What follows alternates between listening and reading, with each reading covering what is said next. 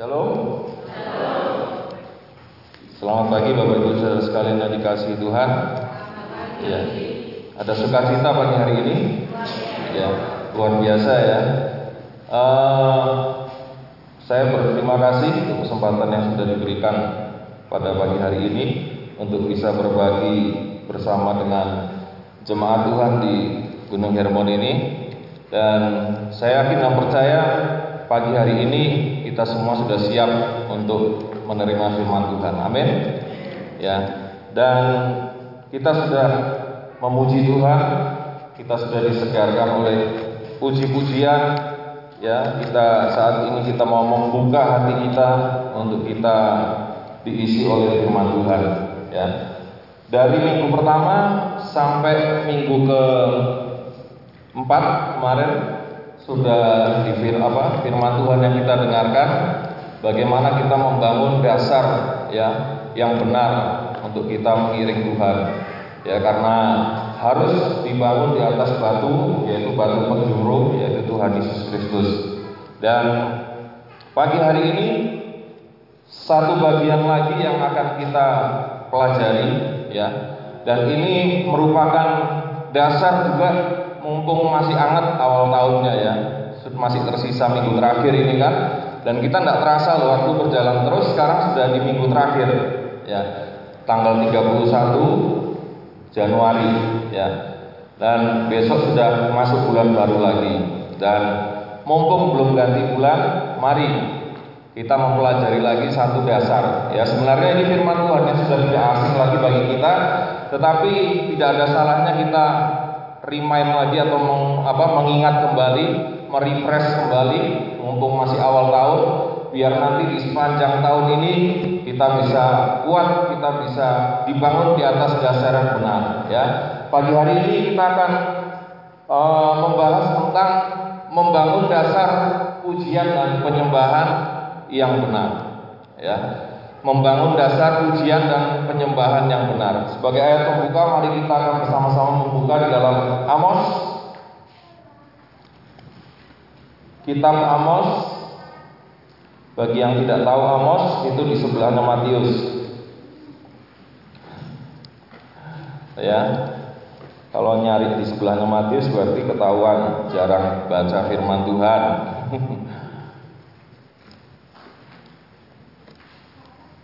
Amos pasal 9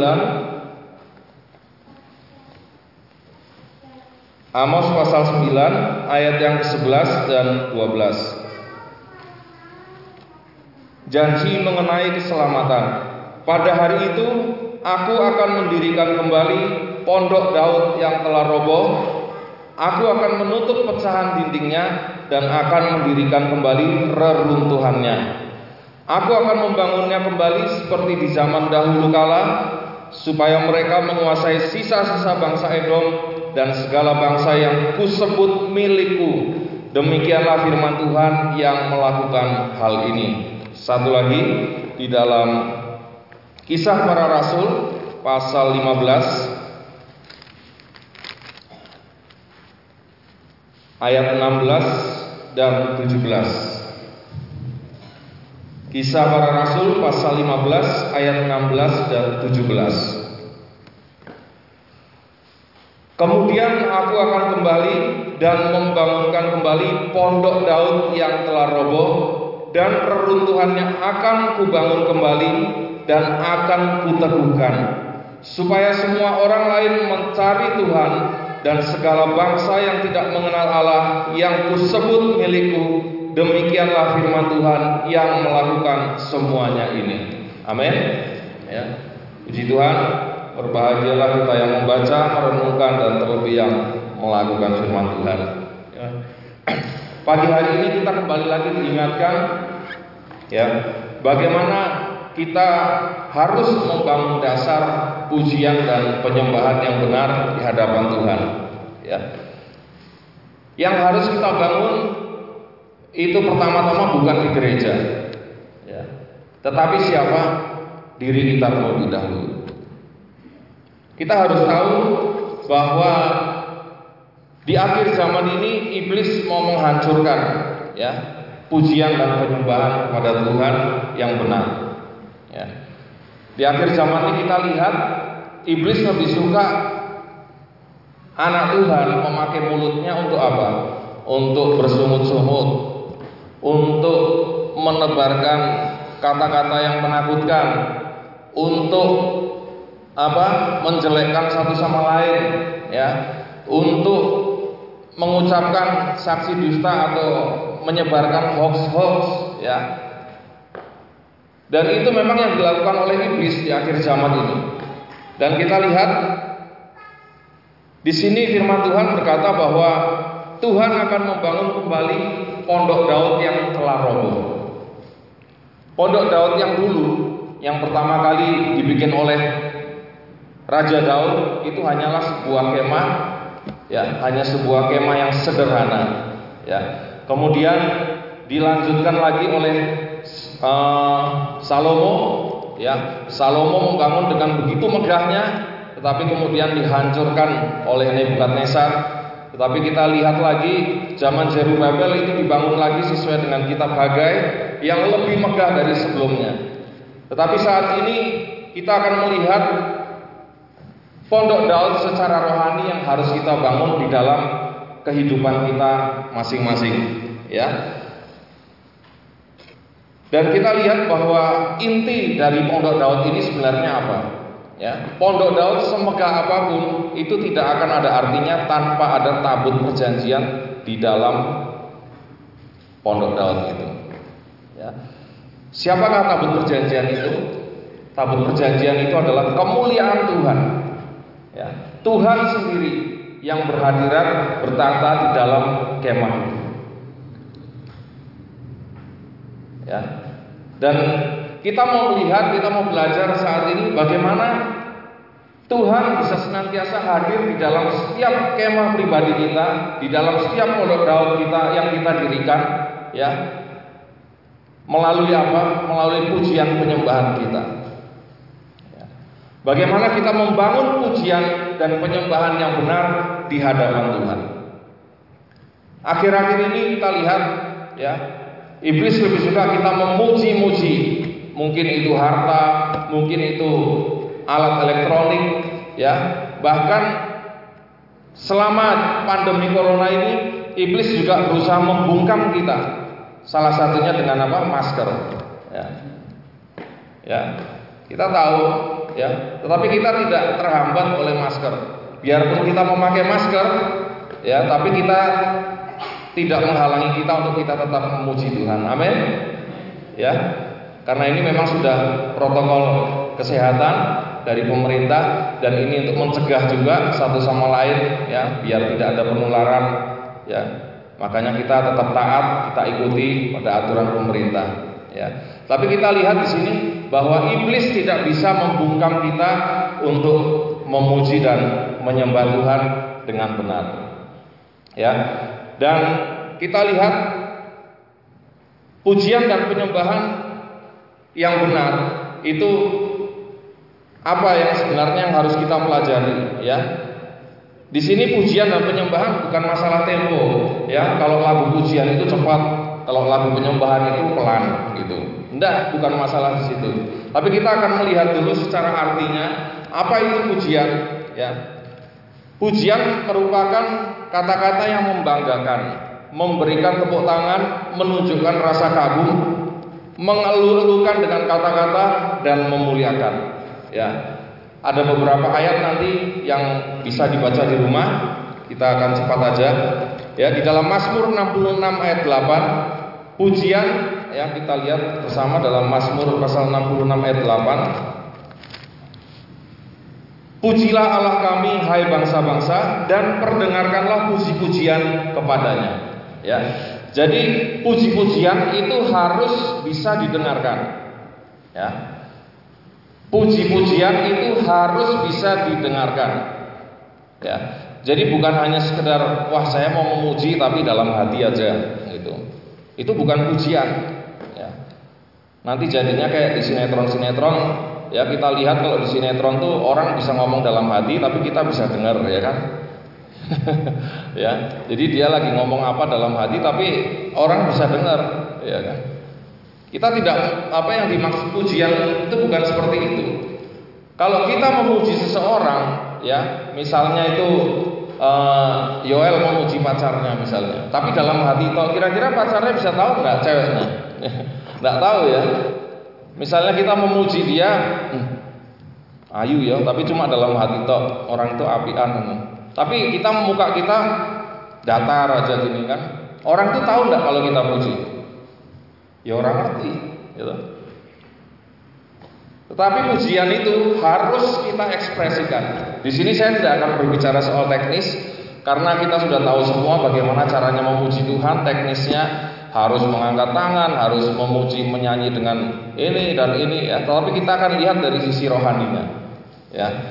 Dan di sini pujian harus diperdengarkan, diekspresikan karena pujian bukan merupakan pujian kalau tidak disuarakan atau ditunjukkan. Ya. Kuncinya di situ.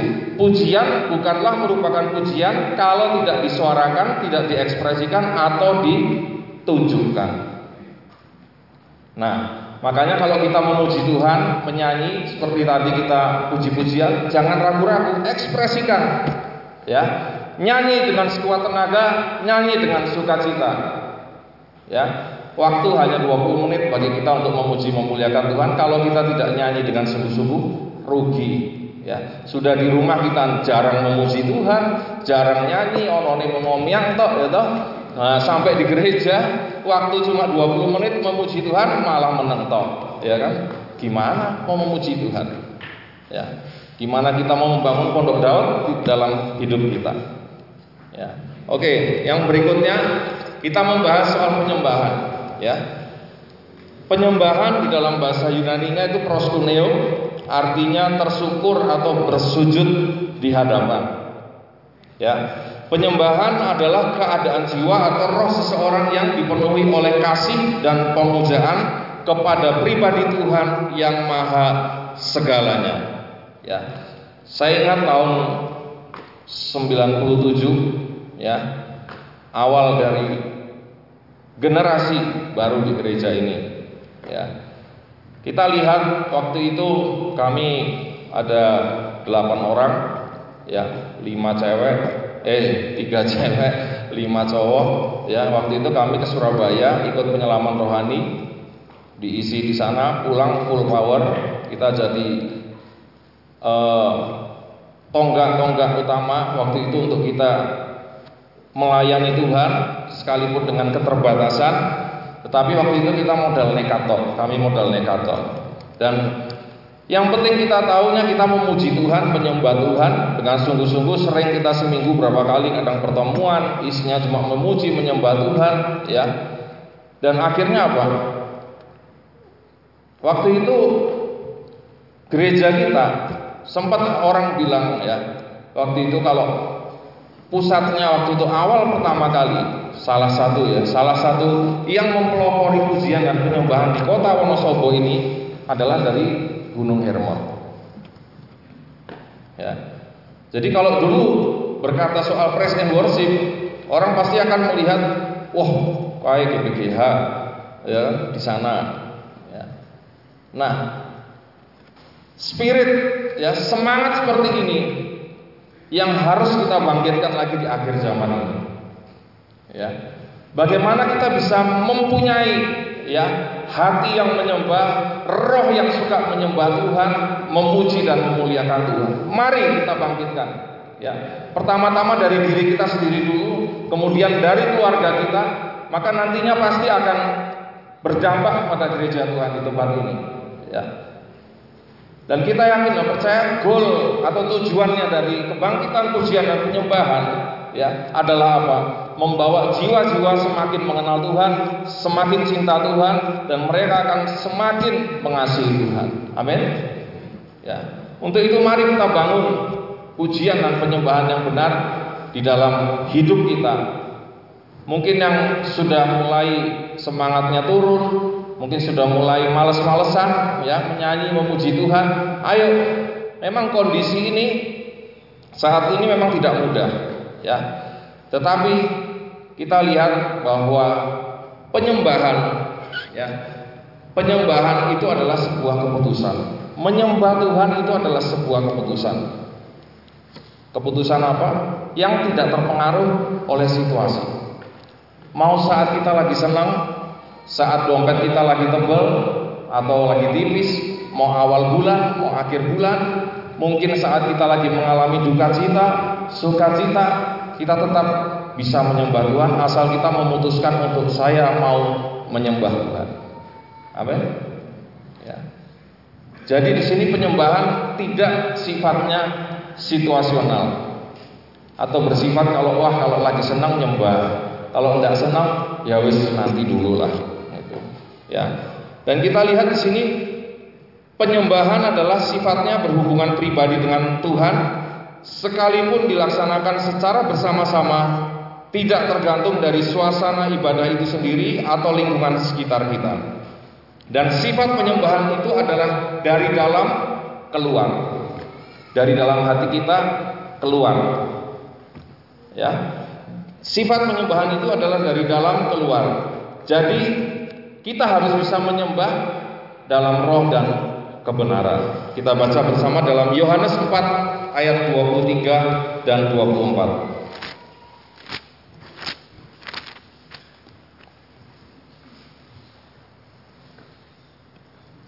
Yohanes pasal 4 ayat 23 dan 24. Tetapi saatnya akan datang dan sudah tiba sekarang bahwa penyembah-penyembah benar akan menyembah Bapa dalam roh dan kebenaran. Sebab Bapa menghendaki penyembah-penyembah demikian. Allah itu roh dan barang siapa menyembah dia harus menyembahnya di dalam apa? Roh dan kebenaran. Selain itu di luar itu tidak bisa. Ya. Dan di sini kalau khusus untuk penyembahan ini menyembah dalam roh ini tidak berhubungan dengan sikap tubuh kita tetapi dengan sikap hati kita. Kalau tadi pujian kan harus kelihatan, diekspresikan ya.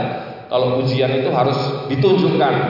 Tetapi kalau penyembahan atau menyembah itu tidak berhubungan dengan sikap tubuh kita. Mungkin kita lagi di kendaraan umum, lagi di mana, atau mungkin sambil lagi nyetir atau apa, bisa aja. Biarpun kita diam ataupun kita cuma hanya hmm gitu ya. Tapi kita menyembah Tuhan. Hati kita terkoneksi dengan Tuhan. Itulah penyembahan. Ya. Dan siapakah pemuji penyembah itu? Bukan hanya yang bertugas di sini, bukan hanya tadi WL dan singer, ya. Tetapi penyembah dan pemuji itu adalah kita semua yang ada di tempat ini, baik itu pemusik, baik itu saya, baik itu Bapak Ibu Saudara sekalian di tempat ini, semuanya, ya. Kitalah pemuji dan penyembah Tuhan. Dan yang dicari Tuhan adalah pemuji dan penyembah Tuhan yang menyembah Dia di dalam roh dan kebenaran. Ya.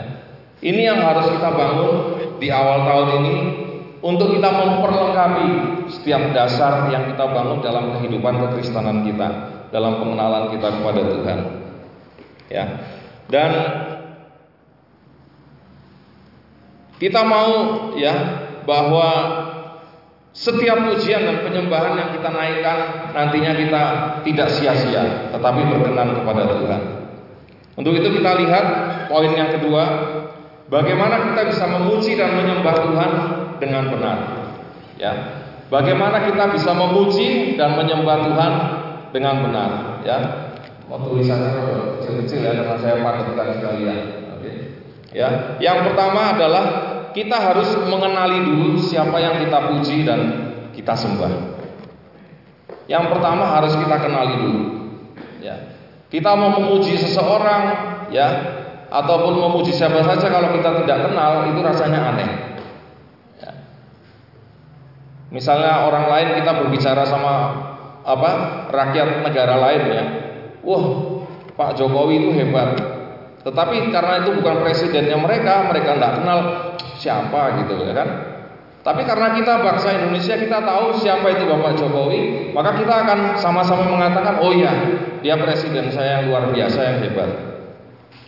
Ya, jadi yang pertama adalah kita harus mengenali dulu siapa yang kita sembah dan kita puji.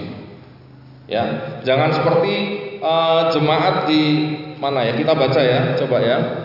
Di Kisah Para Rasul 17 Kisah para Rasul 17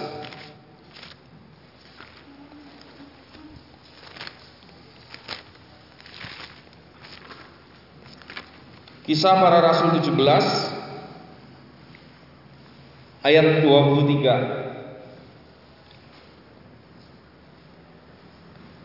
Sebab ketika aku berjalan-jalan di kotamu, ya ini cerita tentang waktu Paulus di Athena ya. Sebab ketika aku berjalan-jalan di kotamu dan melihat-lihat barang-barang pujaanmu, aku menjumpai juga sebuah mesbah dengan tulisan kepada Allah yang tidak dikenal. Apa yang kamu sembah tanpa mengenalnya, itulah yang kuberitakan kepadamu. Ya. Jadi jangan sampai kita menyembah apa yang tidak kita kenal. Ya. Apakah kita semua sudah mengenal Tuhan Yesus yang kita sembah? ya atau cuma ngerti toh kalau cuma ngerti toh belum cukup harus betul-betul kenal bahkan mengenal secara pribadi ya seperti ada lagu aku ingin mengenalmu mengenalmu secara pribadi. Ya. Harus kita kenal dulu. Ya maka kita bisa memuji menyembah Tuhan dengan sungguh-sungguh. Ya. Siapakah Yesus Kristus itu? Dia satu-satunya juru selamat. Dia satu-satunya yang berani berkata pada kita semua, Akulah jalan kebenaran dan kehidupan. Barang siapa tidak melalui aku tidak akan selamat. Amin. Ya. Itulah dia. Ya. Yesus Kristus, Isa Al-Masih. Ya. Kita harus mengenal dulu, kita harus mengerti, mengenal siapa pribadi Tuhan itu. Ya, dialah satu-satunya penyelamat kita. Ya. Dan bagaimana cara kita mengenal dia lebih lagi? Melalui firman Tuhan. Makanya jangan lupa tiap hari baca firman Tuhan. Baca kitab suci, doa tiap hari, doa tiap hari, doa tiap hari, ya. Harus dengan membaca firman Tuhan, maka kita akan mengenal dia lebih lagi. Ya. Selanjutnya, bagaimana kita bisa memuji dan menyembah Tuhan dengan hati yang bersih dan penuh pertobatan. Ini sudah syarat mutlak. Ya, saat kita memuji memuliakan Tuhan tapi di hati kita masih ada ganjelan, mungkin di hati kita masih menyimpan kepahitan, masih menyimpan dendam, marah, iri, dengki dan lain-lain menyimpan kesalahan orang lain, bisakah kita memuji menyembah Tuhan? Saya yakin nggak bisa. Yang ada cuma, aduh, rasanya kok mentok ya, kok tidak sejahtera. Ya, Bersihkan dulu. Jangan kita menjadi seperti orang-orang Farisi. Nanti ayat-ayat ini bisa dibaca, dicatat, dibaca di rumah ya. Seperti orang Farisi ya yang di Matius ya, Matius 15 ayat 8 atau Markus 7 ayat 6 Yesus berkata bahwa bangsa ini memuliakan bibir, memuliakan aku dengan bibirnya padahal hatinya jauh daripada Jangan seperti itu. Ya, Jangan kita dilihat setia, memuji Tuhan, datang ke gereja, tetapi Tuhan berkata, wah hatinya jauh dari saya. Ya, sakit rasanya kalau begitu kan. Ya, kita sudah perhatian sama orang, sama ini seseorang, maksudnya mengharapkan balasan dia, ternyata orangnya tidak membalas cinta kita, ya, karena dia merasa hatinya nggak dekat sama kita. Sakit nggak? ya, Demikian juga Tuhan seperti itu. Ya, jangan sampai Tuhan berkata bangsa ini memuliakan aku dengan bibirnya tetapi hatinya jauh daripada karena tidak adanya pemberesan pertobatan di hati kita di hidup kita. Ya. Kemudian bagaimana kita bisa memuji menyembah Tuhan dengan benar? Yang ketiga adalah kita fokus memberikan segenap hidup kita kepada Tuhan. Ya, Roma 12 ayat 1. Ya, di situ di ya Roma 12 ayat 1 karena itu saudara-saudara demi kemurahan Allah aku menasihatkan kepada kamu supaya kamu mempersembahkan tubuhmu sebagai persembahan yang hidup, yang kudus dan yang berkenan kepada Allah. Itu adalah ibadahmu yang sejati. Jadi tak bisa dipotong-potong atau dipilih-pilih, dibagi-bagi. Ya wis karena aku memuji menyembah Tuhan, yang tak persembahkan cuma mulut kutong. Bisa nggak? Nggak bisa. Ya, karena aku mengangkat tangan bagi Tuhan, waktu puji-pujian yang saya persembahkan cuma tangan saya aja sama jari-jari saya. Bisa enggak? Enggak bisa. Harus utuh seluruh hidup kita. Ya, karena apa? Kalau zaman dulu bangsa Israel untuk menghadap Tuhan dia harus mempersembahkan namanya kambing, domba dan lain-lain.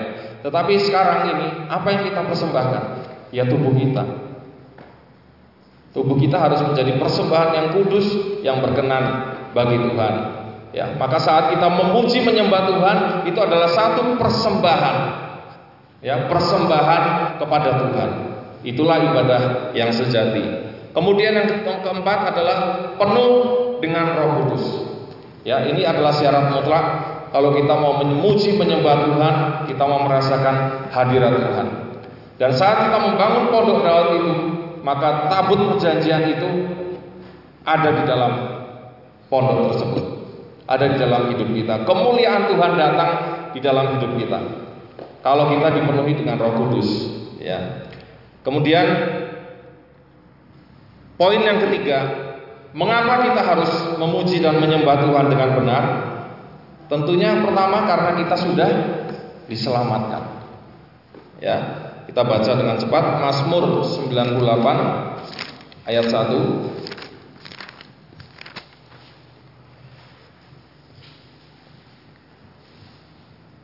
Mazmur 98 ayat 1 Nyanyikanlah nyanyian baru bagi Tuhan Sebab ia telah melakukan perbuatan-perbuatan yang ajaib.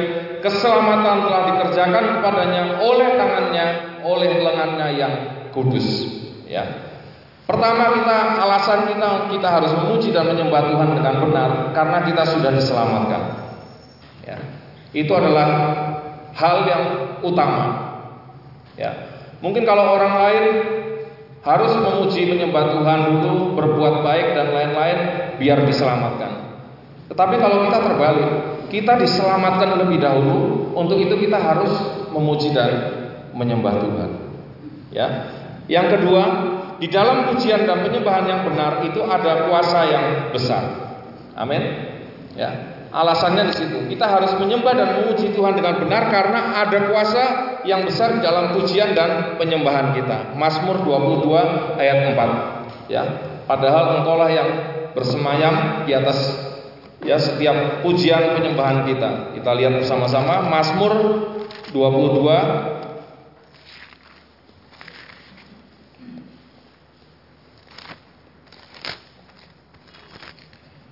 Ayat 4 Padahal engkaulah yang kudus yang bersemayam di atas puji-pujian orang Israel. Ya. Di dalam pujian dan penyembahan yang benar Ada Tuhan yang bertahta Ada kuasa Tuhan yang besar Yang bekerja. Ya. Alasan yang ketiga Mengapa kita harus memuji dan menyembah Tuhan dengan benar? Karena nanti di sorga kita akan selalu memuji dan menyembah Tuhan Sebenarnya banyak ya, tapi kita ambil tiga aja. Ya, karena nanti di surga kita akan selalu memuji dan menyembah Tuhan. Buktinya mana kita lihat dalam Wahyu, kitab Wahyu. Jadi kalau kita tidak bisa memuji dengan benar, menyembah dengan benar, ya, nanti kalau masuk surga kita cuma menentang, ya, yang lain nyanyi, kita cuma diam melihat, ya, lucu nanti jadinya, ya, ya. Kita lihat Kita lihat di ayat yang ke-8 dan 9 aja. Nanti kalau Bapak Ibu sudah bisa baca dari ayat 4, ayat dari pasal 4 ayat 1 sampai 11 ya. Kita baca ayat yang ke-8 dan 9 aja. Dan keempat makhluk itu masing-masing bersayap enam sekelilingnya dan di sebelah dalamnya penuh dengan mata dan dengan tidak berhenti-hentinya mereka berseru siang dan malam, Kudus, kudus, kuduslah Tuhan, Allah yang Maha Kuasa, yang sudah ada dan yang ada dan yang akan datang. Dan setiap kali makhluk-makhluk itu mempersembahkan apa? Puji-pujian dan hormat dan ucapan syukur kepada Dia yang duduk di atas tahta itu dan yang hidup sampai selama-lamanya. Ya, jadi nanti di surga kerjaannya kita apa? Memuji menyembah Tuhan. Ya. Makanya kita harus berlatih mulai dari di dunia ini. Ya. Yang poin terakhir ya tentunya ini yang Bapak Ibu Saudara pasti pengen tahu apa sih berkat dari pujian dan penyembahan yang benar. Ya, ada lima berkat di sini. Ya, tentunya ada banyak, tapi kita ambil lima saja. Yang pertama, membawa kebebasan dari ikatan atau belenggu. Ya, kita lihat di dalam kisah para rasul. Di sini cerita mengenai Paulus dan Silas ya. Kisah para rasul pasal 16 ayat 25 dan 2 apa? Ayat 25 26. Tetapi kira-kira tengah malam Paulus dan Silas berdoa dan menyanyikan puji-pujian kepada Allah dan orang-orang hukuman lain mendengarkan mereka. Akan tetapi terjadilah gempa bumi yang hebat sehingga sendi-sendi penjara itu goyah dan seketika itu juga terbukalah semua pintu dan terlepaslah belenggu mereka semua. Ya. Pujian dan penyembahan yang benar akan membawa kebebasan dari belenggu-belenggu yang mengikat kita. Bapak Ibu Saudara sekalian, tentunya apa belenggu yang mengikat kita saat ini hanya kita masing-masing yang tahu. Mungkin itu belenggu dosa apa, dosa apa, dosa apa yang belum kita bisa lepaskan. Mari pujilah Tuhan, sembah Dia dengan sungguh-sungguh, maka belenggu-belenggu itu akan dilepaskan. Amin. Ya. Kemudian yang kedua, pujian dan penyembahan yang benar itu memberikan ketenangan. Ya, tidak usah dibaca di dalam 1 Samuel 16 ayat 22 dan 23 ini kisah mengenai uh, mengenai Daud ya yang dipanggil oleh Saul untuk memainkan kecapi ya. Dan setiap kali dia memainkan kecapi maka roh jahat itu undur dari Saul dan dia mendapatkan ketenangan Saul ya. Kemudian yang ketiga saat kita memuji dan menyembah Tuhan yang benar, maka kita akan merasakan sukacita. Ya, jadi tidak ada ceritanya kalau kita memuji dan menyembah Tuhan, malah kita jadinya marah-marah, jadinya apa? Malah yo rasanya gimana gitu ya. Tetapi kalau kita memuji dan menyembah Tuhan dengan benar, maka yang ada sukacita. Makanya biarpun di acara kedukaan mungkin itu apa pemakaman di acara di rumah duka atau apa tetap kita anak Tuhan pasti menyanyi. Ya makanya orang mungkin bingung ini orang Kristen ini kok biarpun suasana duka tapi isinya nyanyi toh ya kan? Ya karena pujian dan penyembahan itu yang membangkitkan kita mengubah duka cita kita menjadi sukacita. Ya dan kita lihat yang keempat Pujian dan penyembahan yang benar itu mendatangkan kemenangan. Ya, di dalam Yosua 6 ayat 20 kisah tentang penghancuran tembok Yeriko. Saat itu mereka tidak memakai senjata yang hebat, senjata yang kuat, ya, senjata yang bagus, senjata yang mahal-mahal, tapi dengan pujian dan penyembahan maka tembok Yeriko itu dihancurkan. Ya, dan yang terakhir pujian dan penyembahan yang benar itu menguatkan dan meneguhkan iman. Ya, dengan imanku ku hadapi semua. Ya, kita begitu dengar lagu itu kan pasti iman kita bangkit lagi. Ya. Semangat lagi kita untuk mengiring Tuhan. Ya, saya mau iring Yesus meskipun pikul salib dan menderita di dunia. Ya, Ketika kita dengar lagu-lagu itu, itu hal yang menguatkan iman untuk kita tetap berpegang, berpegang teguh pada iman percaya kepada Tuhan. Puji nama Tuhan, ya. Dan kapan kita bisa memuji dan menyembah Tuhan? Ya, setiap saat. Ya. Kita akan membaca dalam ayat yang terakhir ya, di dalam Mazmur 145 ayat 1 sampai 2. Saya undang kita bangkit berdiri semua.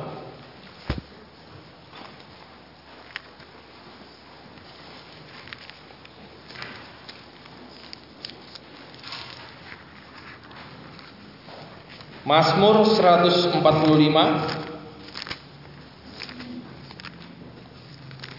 ayat 1 dan 2. Kita baca bersama-sama dua tiga. Puji-pujian dari Daud. Aku hendak mengagumkan Engkau, ya Allahku, ya Raja, dan aku hendak memuji namamu untuk seterusnya dan selamanya. Setiap hari aku hendak memuji Engkau dan hendak memuliakan namamu untuk seterusnya dan selamanya. Biarlah ini menjadi satu komitmen kita bahwa kita mau memuji menyembah Tuhan setiap hari selama-lamanya ya di dalam Mazmur 119 ayat 164 juga Daud berkata tujuh kali dalam sehari aku memuji-muji Tuhan ya dalam itu artinya apa tidak ada batasan kita untuk memuji menyembah Tuhan kapan pun di mana pun ya kita bisa memuji menyembah Tuhan dengan hati yang sungguh-sungguh mari kita mau ucapkan statement terakhir ini bersama-sama ya di dalam closing statement ya untuk kita baca dan kita hafalkan, kita hidupi bersama-sama, ya. Jelas? Kita baca bersama-sama. Dua, tiga.